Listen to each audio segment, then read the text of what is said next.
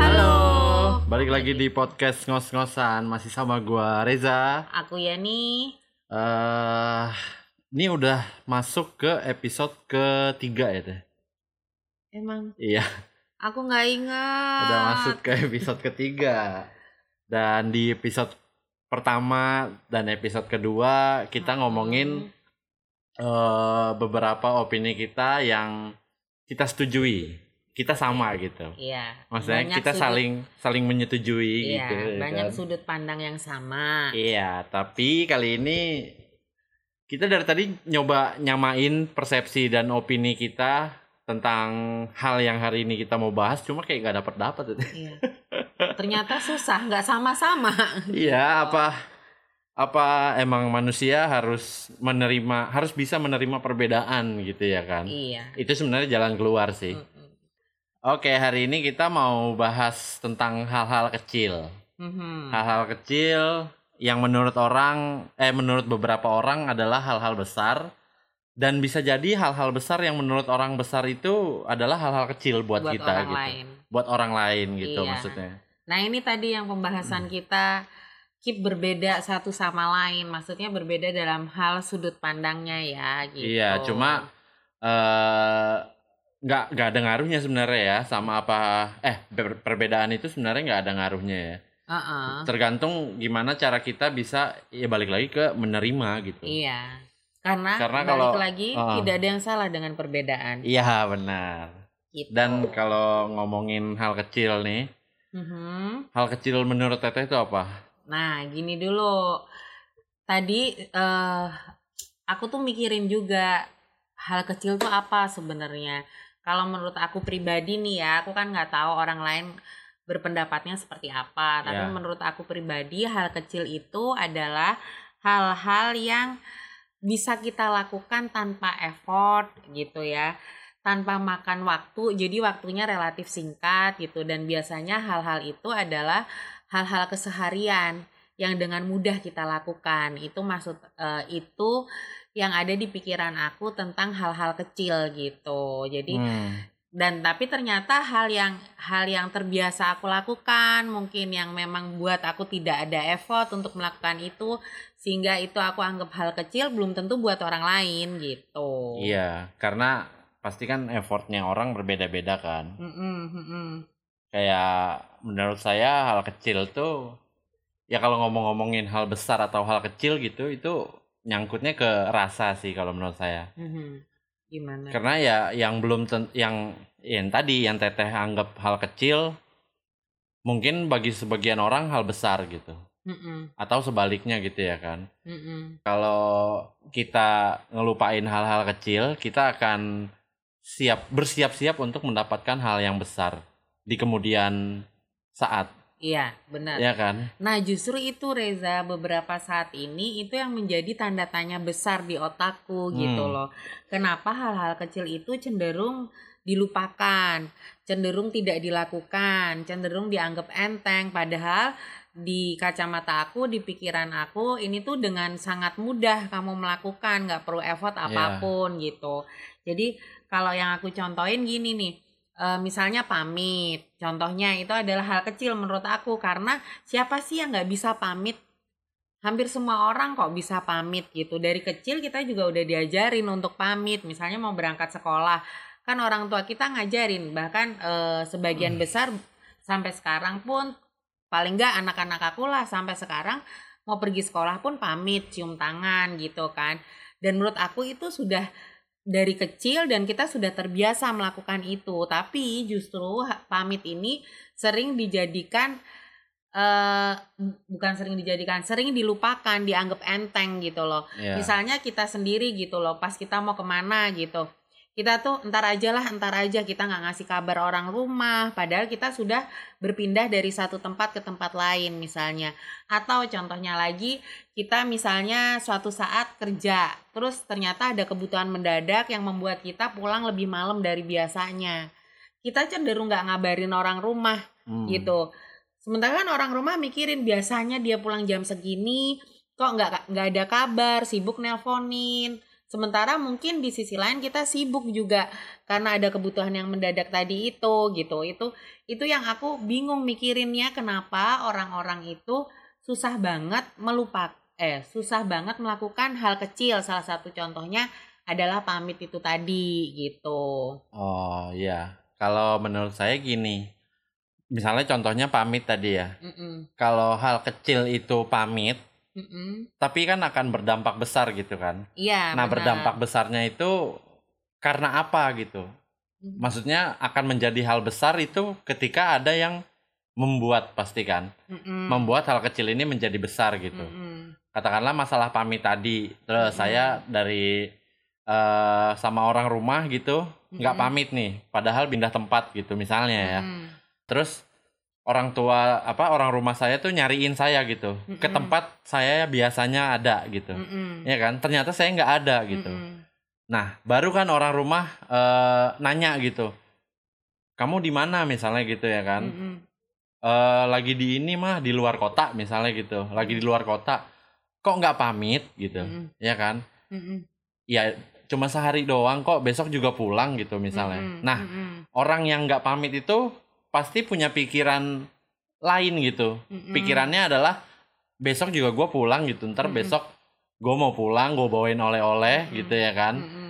Terus gue mau cerita, gue kemarin keluar kota, gue ngalamin apa aja gitu. Mm-mm. Tapi orang yang mempermasalahkan hal kecil ini, Mm-mm. dia kan mikirnya, lo lu keluar kota belum tentu lo sampai bener-bener nih keluar kota Iya. nih, ya kan? Bisa Iya. jadi lo kenapa-napa di jalan. Mm-mm. Itu makanya gue penting kalau lo ngabarin gitu, Iya. ya kan? Benar, Supaya gue tahu lo ada di mana gitu. Ketika Iya. gue misalnya gue nggak dapat kabar dari lo, gue dapat kabar dari orang lain gitu Mm-mm. misalnya ya kan. Mm-mm. Si ini gini gini gini gini, pasti kan orang yang nyariin tadi nih orang rumah saya nih Iya. punya pikiran kalau perasaan kemarin masih di sini nggak apa-apa gitu kok tiba-tiba udah ke sana aja Iya. nah itu membuat orang rumah itu berpikiran yang jangan-jangan dia ke sini gara-gara si ini gitu wah Mhm. jadi suzon gitu teh Iya. ya kan nah iya. itu sebenarnya kan suzon suzon segala macam itu kan sebenarnya itu jadi hal besar tuh kalau udah jadi kayak gitu Mm-mm. karena hal kecil tadi ya kan Mm-mm. cuma balik lagi ke orang yang melupakan hal kecil tadi gitu Mm-mm. orang yang melupakan hal kecil tadi pasti mikirnya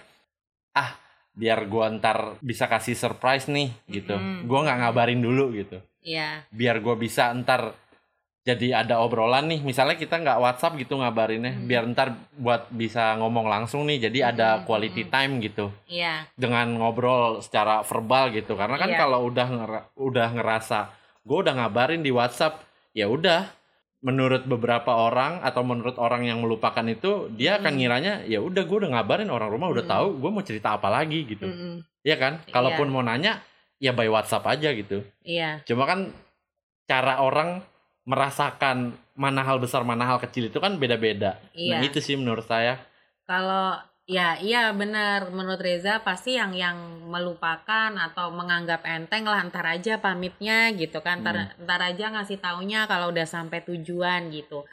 eh nggak ada salahnya juga punya pemikiran Iya. kayak gitu tapi kan kembali lagi gini di sisi yang merasa tidak dipamiti dan Ah. menganggap hal kecil itu penting untuk dilakukan toh nggak perlu effort toh dengan mudah dilakukan karena apa pasti seseorang itu punya perhatian lebih iya punya rasa lebih terhadap orang yang diharapkan dia untuk Ah. ngasih kabar atau pamit iya yang biasanya menanyakan kita di mana tuh siapa sih? Ya orang tua, ya Orang-orang terdekat pasangan, lah ya pasti. dan orang-orang terdekat. Artinya kan dia punya perhatian lebih. Terus siapa juga sih yang ngarepin hal buruk terjadi? iya. Tapi siapa juga yang bakal tahu ke depannya bakal kejadian apa? Semenit ke depan bakal kejadian apa? Dua menit ke depan bakal kejadian apa Iya. gitu kan? Jadi yang dia harapkan eh, semua akan baik-baik aja gitu ya. Hmm. Tapi namanya kekhawatiran itu was-was kan pasti nggak bisa hilang dong. Namanya Hmm. kita punya perhatian lebih gitu kan ke ke seseorang itu sehingga sangat perlu, sangat penting buat dia untuk tahu keberadaan, dikasih kabar bahwa saya ke sini karena begitu dia pamit atau memberi kabar, katakanlah memberi kabar harus mau keluar kota misalnya atau memberi kabar eh, untuk eh, apa namanya pulang telat karena harus Iya. lembur pasti siapa pun yang menuntut untuk dipamitin itu mau orang tua mau pacar mau pasangan pasti akan mengirim doa. Ya udah hati-hati. Iya. Nah, pada saat kita dapat doa, dapat pesan dari orang-orang yang dekat sama kita, dari perhatian sama kita gitu, masa Allah nggak dengerin sih? Ya insya Hmm. Allah di perjalanannya dilindungi atau waktunya dia sampai dengan sampai dia akan kembali pulang akan baik-baik aja. Kan Hmm. harapannya seperti itu gitu. Jadi aku sih termasuk orang yang pro terhadap bahwa pamit itu hal kecil dan dengan mudah dilakukan. Apa ya kalau orang Jawa bilang tuh ngelegake, eh, membuat lega, nggak bu- nggak membuat was-was Iya. siapa pun yang ditinggal pergi atau belum mendapat kabar tentang orang-orang terdekatnya itu itu itu yang ada di pikiranku sih gitu. Heeh. Nah, menurut saya lagi nih teh, kalau hal kecil ini tuh tentang seberapa ya balik lagi kalau saya sih bahasnya dari dari apa rasa gitu ya. Mm-mm. Hal kecil atau hal Mm-mm. besar ini ya kan. Mm-mm. Sebenarnya hal kecil atau hal besar ini ya tergantung gimana kita nanggepinnya gitu. Gimana Iya. kita merasakannya, gimana Iya. cara kita bisa merasakan sesuatu hal gitu. Mm-mm, mm-mm. Makanya bisa dibilang ini masalah kecil, bisa dibilang ini masalah besar ya kan. Mm-mm. Masalah kecil yang menurut orang besar, Mm-mm. nanti yang kecil akan ngomong ke yang menurut orang besar ini ah lebay loh gitu. Iya benar. Iya kan? benar. Masalah Iya. besar yang orang anggap kecil, yang besar ini akan ngomong Hmm. buset deh lu nyepelein banget gitu. Iya iya Dih kok lu cetek banget ya gitu. iya. Kayak gitu-gitu kan Iya. sebenarnya kan ya balik lagi masalah rasa gitu. Mm-mm. Tapi di sini hal kecil yang kita bahas eh, bukan hal kecil yang sengaja ya teh. Iya. Maksudnya yang sengaja dilakukan gitu. Mm-mm. Ka- karena unsur balas dendam kah? Iya. Karena unsur ya kalau misalnya dalam satu hubungan gitu pacaran ada aja kan pasti orang yang oh kemarin dia aja nggak ngabarin ya udah Iya, gue gantian nggak Iya. ngabarin bukan bukan hal kecil yang kayak gitu tapi Iya. ya hal kecil yang kalaupun nggak dilakukan eh hal kecil ini penting kalaupun nggak dilakukan orang itu lupa Iya. gitu bukan Heeh. yang disengaja Mm-mm. gitu dan menurut saya jadi kayak ada dua poin nih kayak penting apa enggak Mm-mm. atau orang ini biasa atau enggak gitu Iya. iya Iya. kan Iya, iya ngerti yang yang Reza maksud buat kayak aku- misalnya gini saya Mm-mm. contohin kecil Mm-mm. gitu Eh, contohnya korek gitu Mm-mm. ya kan Mm. banyak orang yang ngerasa misalnya satu orang ngerasa korek ini nggak terlalu penting gitu Mm-mm. karena harganya murah gitu Mm-mm. sehingga dia sembarang naro gitu Mm-mm. ya kan Mm-mm. toh nanti bisa dicari pasti kan gitu kan Iya. sama kayak orang yang tadi ya gue nggak ngabarin toh ntar juga gue ketemu lo gitu Iya. misalnya besok gue ketemu lo gitu Iya. nah sama korek itu juga kan toh ntar juga bisa dicari gitu Mm-mm. cuma kalau orang yang ngerasa eh yang ngerasa nggak telaten dalam nyimpan korek itu pasti dia nggak akan ngerti rasanya orang mau ngerokok tapi Koreknya maunya ada. koreknya langsung ada gitu Mm-mm. jadi kayak sugesnya itu langsung terpenuhi gitu. Ini Mm-mm. nggak harus gerabak gerubuk dulu. Nah Mm-mm. sebenarnya kan ya gitu maksudnya gimana sih biasa atau nggak biasanya sebenarnya? Tentang gi- hal kecil itu. tentang hal kecil itu gimana cara kita nangkepnya gitu. Dan gimana cara kita nerimanya juga gitu. Kalau misalnya oh kemarin kok lu nggak ngabarin keluarga lu gini gini nanti kalau ada apa-apa gimana? Coba lu bilang kan gue bisa doain gini gitu misalnya Mhm. yang ngelupain ini cerita gitu jadinya gini kemarin tuh gue mau ngabarin cuma gue mau ngasih surprise Hmm. makanya gue nggak ngabarin gitu Mm-mm. pas gue mau pergi gitu ya kan Hmm. nanti begitu gue pergi terus gue dari sono gue bawa oleh-oleh gue pulang kan jadi surprise buat lo Mm-mm. gitu oh nah kalau keluarga ini nangkepnya positif oh iya dia mau ngasih surprise eh surprise gitu ya Mm-mm. kan Mm-mm. Ya kan sebenarnya kan. Mm-mm. gimana sih hal kecil atau hal besar itu gimana cara kita eh, menyikapi menyikapi gitu Mm-mm. sebenarnya Iya, makanya yang aku bilang gitu loh. Kalau hal kecil itu kan yang kalau dari kacamata aku hal kecil itu kan sudah terjadi sudah menjadi kebiasaan sebenarnya. ya Bukan hal baru. harusnya gitu Uh-uh, hal baru yang harus perlu effort dilakukan atau perlu modal untuk ngebeli atau perlu waktu untuk nunggu hasilnya kan enggak Mm-mm. gitu. Jadi kenapa sih harus dengan mudah dilupakan, dengan mudah dialihkan, eh, dengan dengan tujuan surprise atau segala macam kalau sudah tahu bahwa hal kecil itu melegakan, sudah tahu hal kecil itu menyenangkan orang lain ya orang tua, pasangan atau orang-orang terdekat kita dan kenapa nggak harus dilakukan gitu. Iya. Kenapa harus tetap eh, mikir pokoknya gue mau ngasih surprise itu menjadi ego kalau dari kacamata aku ya Ya. karena dia tahu nih keluarganya mamanya bahkan marah-marah nih kalau nih anak nggak pamit karena kebiasaan dia sudah tahu dong Hmm. namanya Delinya dia tahu mamanya bakal marah besar kalau dia nggak pamit. Hmm. kenapa maksain nggak pamit? Itu maksud aku. Ya. kan harus ada hal-hal yang dia lihat ini kebiasaan atau enggak. Bukan berarti bahwa pamit itu tidak pamit itu totally salah itu harga mati. Aku sih nggak melihat itu juga. Karena lihat situasi dan kondisinya lihat itu kebiasaan atau tidak gitu. Ada beberapa hal juga yang akhirnya aku toleransi. Misalnya pada saat aku berteman aku mengharapkan dia memberi kabar mengharapkan aku aku ditanyain. Tapi aku tahu mereka tuh memang secuek itu mereka sependiam itu gitu. Sampai di titik akhirnya aku mentoleransi bahwa aku tidak akan pernah mengharapkan ditanyain kabar sama dia tidak akan pernah berharap dia menanya ke apa melakukan hal-hal kecil buat aku karena aku sudah tahu karakter orang yang seperti itu. Iya. jadi pada saat seseorang kemudian menuntut lebih atas hal kecil itu pasti karena ada rasa kekecewaan rasa apa sih susahnya? gitu sih kalau Hmm. kalau menurut aku tuh seperti itu gitu. Kalau di momen-momen yang akhirnya dia bisa menerima hal kecil itu ya karena dia sudah mentoleransi gitu. Udah melihat ini sudah terpola oh karakter orangnya seperti ini gitu. Kalau Hmm. kalau menurut aku sih kayak gitu. Karena kalau dari aku juga ya somehow tuh bener kata Reza hal kecil atau hal besar tinggal kita menyikapinya kayak gimana kita sering dengar juga kok kenapa sih kita berantem mulu hanya perkara hal kecil Iya.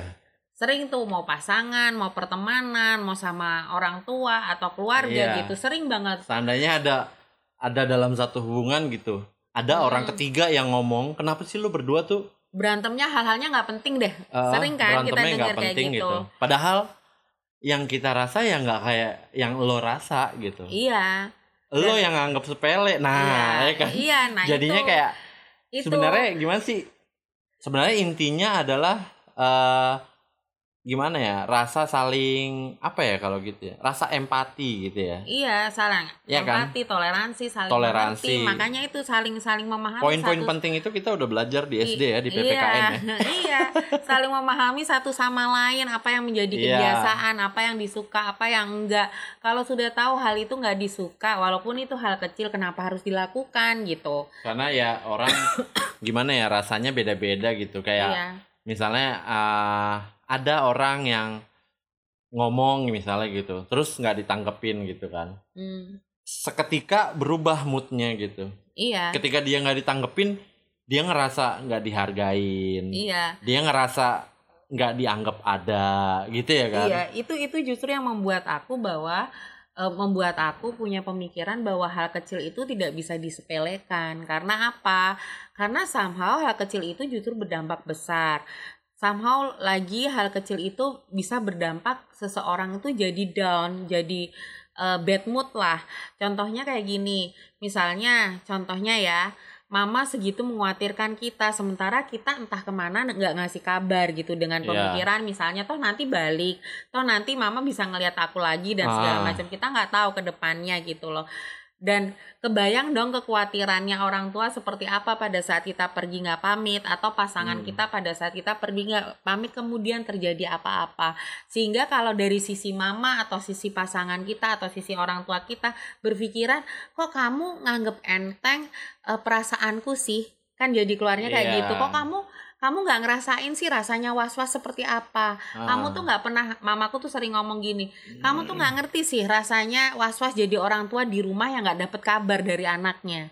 Iya. Kayak gitu. Kamu sih enak anakmu di rumah tahu anakmu nggak ke mana-mana. Lah kamu ini kan anaknya aku kata mamaku. Hmm. kamu ke mana-mana seharian aku nggak ngerti kamu nggak ngasih kabar. Kalau kamu kejadian kamu kenapa kenapa iya kalau kejadian di tempat orang-orang yang kenal bisa menghubungi mama kalau kejadiannya di mana terus nggak bisa ngubungin mama nggak ada yang kenal kamu gimana kejadiannya? Ya Hmm. memang tidak mendoakan jelek ta- tapi dengan kata-kata mama itu aku mengerti dan memahami seberapa besar kekhawatiran dia terhadap aku. Karena apa? Segitunya dia sayang sama aku gitu. Jadi was-wasnya kadang jadi over menurut aku kadang ya aku kalau mama sudah ngerundel gitu aku cuma iya maaf mama jangan ngomel lagi besok aku pamit. Walaupun sejujurnya kadang aku pun terlupa karena ya sibuk misalnya harus buru-buru harus kayak gimana. Tapi ya tercatatlah di aku seberapa besar kekhawatirannya dan aku tidak mau menganggap enteng apa pun perasaan yang muncul dari mamaku atau dari pasanganku misalnya seperti itu Iya. gitu karena kalau kebalikannya aku pun merasakan kalau seandainya aku pas di posisi mama kemudian aku aku nggak dipamitin aku gini aku jadi ngerasa gini loh lebaynya tuh emang aku tidak sespesial itu ya Iya. memang aku nggak dianggap banget ya sehingga sehingga tidak pamit ke aku itu adalah hal yang sangat biasa gitu bahwa siapa sih aku ini sehingga aku segitunya perlu dipamitin. Kadang ada muncul rasa seperti itu. Jadi aku ngerasa nggak spesial aku ngerasa nggak diperhatiin aku ngerasa dianggap enteng. Which is itu juga aku rasakan dari mama aku pada saat ngomel-ngomel di aku misalnya aku nggak ngasih kabar gitu Iya. contohnya gitu. Mungkin kalau di apa ya kalau di omongin terus nih masalah kecil masalah besar ini ya Mm-mm. menurut sekian orang ya akan sama-sama aja gitu teh hasilnya Mm-mm. makanya mungkin harusnya di apa di bangku pendidikan tuh diajarin soal rasa kali ya kayak misalnya gini kita eh, misalnya lagi di jalan gitu terus saya ngelihat ibu sama anak gitu habis belanja gitu ya Hmm. kan terus mereka bawa belanjaan banyak kayak banyak gitu Mm-mm. Yang si ibunya bawanya banyak si anak kecilnya bawanya banyak gitu Mm-mm. kalau saya ngelihatnya gini gila ya bisa ya si apa ibunya bikin anaknya mau nolong ibunya walaupun dia bawa yang berat-berat. Mm-mm. terus mikir mikirnya juga bisa ya anaknya eh, mau gitu ngangkat yang berat-berat gitu Mm-mm. ya kan Mm-mm. padahal dia tahu dia anak kecil gitu Mm-mm. Rasa kayak gitu kan yang sebenarnya eh, harus ditumbuhin gitu ke masing-masing orang karena Mm-mm. beberapa orang ada aja yang nganggepnya ih gila tuh ya ibu-ibu ya anaknya, loh Anaknya. masih kecil disuruh bawa berat-berat gembolan banyak-banyak Mm-mm. gitu Mm-mm. ya kan Iya. sebenarnya kan kita cuma butuh patokan nih supaya kita ngerasain suatu hal gitu yang mungkin bagi beberapa orang begini mungkin bagi beberapa orang begini gitu. Iya. nah itu tuh gimana gitu cara nyatuinnya gitu ya teh? Iya. Rasa itu tuh bagaimana kisah bagaimana kita bisa merasakan rasanya orang lain pada saat mengalami Iya. suatu peristiwa nah gitu itu kan, itu kan yang nggak diajarin kan sebenarnya di bangku sekolahan gitu. heeh. ya kayak gitu. Makanya kadang suka suka bingung apa sih susahnya daripada lu nyela? Itu ibu tega banget ya anaknya masih kecil suruh bawa berat-berat lalu ngomen lu nolongin nggak? Nah. Yang kayak gitu. Iya. Kayak gitu kayak kadang itu hal kecil loh. Kamu kamu sebagai yang komen pastinya kan kamu bisa bisa melihat itu berarti bisa ngelakuin itu dong maksudnya Iya, harusnya- nolongin Iya, lu bisa Itu- menilai berarti lu bisa gitu. Kayak guru ya kan Iya. menilai iya apa, karena dia bisa kan Karena dia sehingga dia bisa. bisa menentukan nilai itu ini Itu menentukan ini benar, ini salah Iya, gitu. Nah, dan- kalau soal rasa kan nggak ada yang di iya. Bener atau salahin kan? Iya makanya. Pernah dicari tahu nggak rasanya si anak bisa jadi si anak justru kebanggaan buat dia bisa bawa semakin berat nunjukin dia membantu ibunya. Bisa Mm-mm. ada rasa itu muncul. Iya, bisa juga anaknya memang grundel sama seperti yang mengkomen. Iya. gila mak gua gua masih kecil disuruh bawa berat-berat bisa. Nah, kalau dari ada dari sisi si ibu bisa aja dia merasa kasihan ya anakku gara-gara nggak ada yang nganterin aku dia jadi bawa berat bisa aja si ibu mikirnya ah tadi udah gue beliin mainan ya udah lu bawain lah. Iya, bisa bisa juga kamu harus belajar bawa berat. Iya. Jadi kita tidak bisa menyimpulkan terhadap satu peristiwa kalau kita tidak tahu dan tidak pernah ada di peristiwa itu dan rasanya seperti apa dan pada saat rasa itu muncul di orang lain sejauh mana kita bisa merasakan apa yang dia rasakan sehingga kita nggak anggap enteng gitu Iya. dan dan eh, apa yang eh, kita bahas hari ini balik lagi ke topik hal-hal kecil ya ini dominan rasa yang yang menurut aku mostly dianggap enteng karena berasal dari hal-hal kecil padahal kalau hal kecil ini dibiarkan bisa ternyata berdampak besar gitu kan Iya.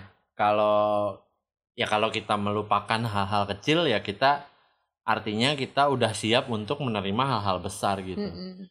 Tahu atau enggak resiko itu sih sebenarnya yang harus di Mm-mm. apa namanya masing-masing orang tuh ngerasa gitu. Masing-masing orang tuh menganalisa gitu. Mm-mm. Oh, misalnya dia terbiasa ngabarin gitu ya kan. Mm-mm. Terus suatu saat dia mau ngasih surprise gitu. Ah, gua nggak usah ngabarin ah, Mm-mm. gitu ya kan. Nah, sebenarnya kan bisa dirubah dengan Mm-mm. oh ntar dia kalau gua gak ngabarin dia marah-marah terus jadi masalah lagi ntar eh, yang gue udah surprise yang udah gua rencanain jadi malah gagal malah gagal gitu ya Iya. kan. Nah, sebenarnya kan bisa dicerna lagi, bisa dipikirin lagi surprise apa sebenarnya yang pantas untuk kita kasih gitu. iya Harusnya gitu ya iya kan. jadi ngerubah teknis surprise-nya lah kalau bisa disimpulkan eh, hal kecil atau hal besar itu ternyata masing-masing orang beda setelah ngobrol Iya. gini yang hal kecil menurut kita belum tentu hal kecil menurut orang lain dan sebaliknya gitu Karena setiap orang punya alasan alasan tersendiri ya Iya. untuk kenapa gue menyikapi hal ini kecil, kenapa gue menyikapi hal ini besar. gitu. Benar. Jadi kalau menurut aku ya kembali lagi ke kita sendiri bagaimana menyikapinya. Kalau memang hal-hal kecil itu menyenangkan orang di sekitar kita, kenapa nggak dilakuin gitu? Iya. Kenapa harus dianggap enteng? Tapi kemudian jika hal kecil itu kemudian bisa berdampak besar gitu ya, ya sudah nggak dilakukan nggak apa-apa gitu kan. Iya. Artinya bahwa hal kecil itu dipermasalahkan kemudian berdampak besar, ya kita harus mentoleransi tidak menuntut hal-hal kecil itu gitu. Iya. Menurut aku seperti Bagaimana itu. ya kita menyikapinya gitu, balik lagi ya kan. Iya. Gitu. Gitu. Hal kecil tapi lumayan eh Melelahkan. melelahkan untuk Makanya kita dibahas gitu. ngos-ngosan ya. Semoga ada manfaatnya lah obrolan kita gini. Iya. Aku balikin sih siapa pun yang ngedengerin eh, ngedengerin ngedengerin podcast kita ini eh hal kecil menurut kamu tuh apa? Kamu suka gak mendapatkan hal-hal kecil dan hal kecil apa yang kamu lakukan yang bisa bikin nyenengin orang lain? Atau yang mungkin hal kecil yang menurut lo penting malah disepelekan sama orang lain. Mm-mm. Ya kan? Gitu. Oke. Mungkin sekian dulu kali ya Iya. pembahasan kita tentang hal kecil ini di episode ketiga. Kalau kalian suka dengerinnya, kalian boleh komen-komen ya Teh, di bawah. Boleh. Eh di bawah, di bawah mana?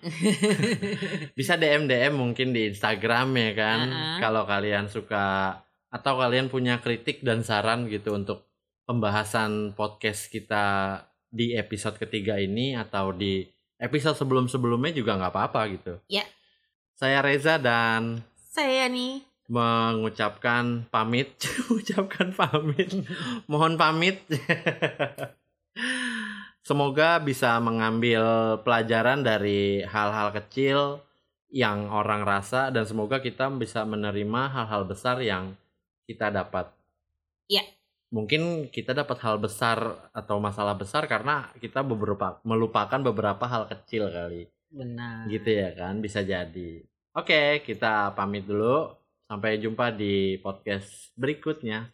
Dah. Dah.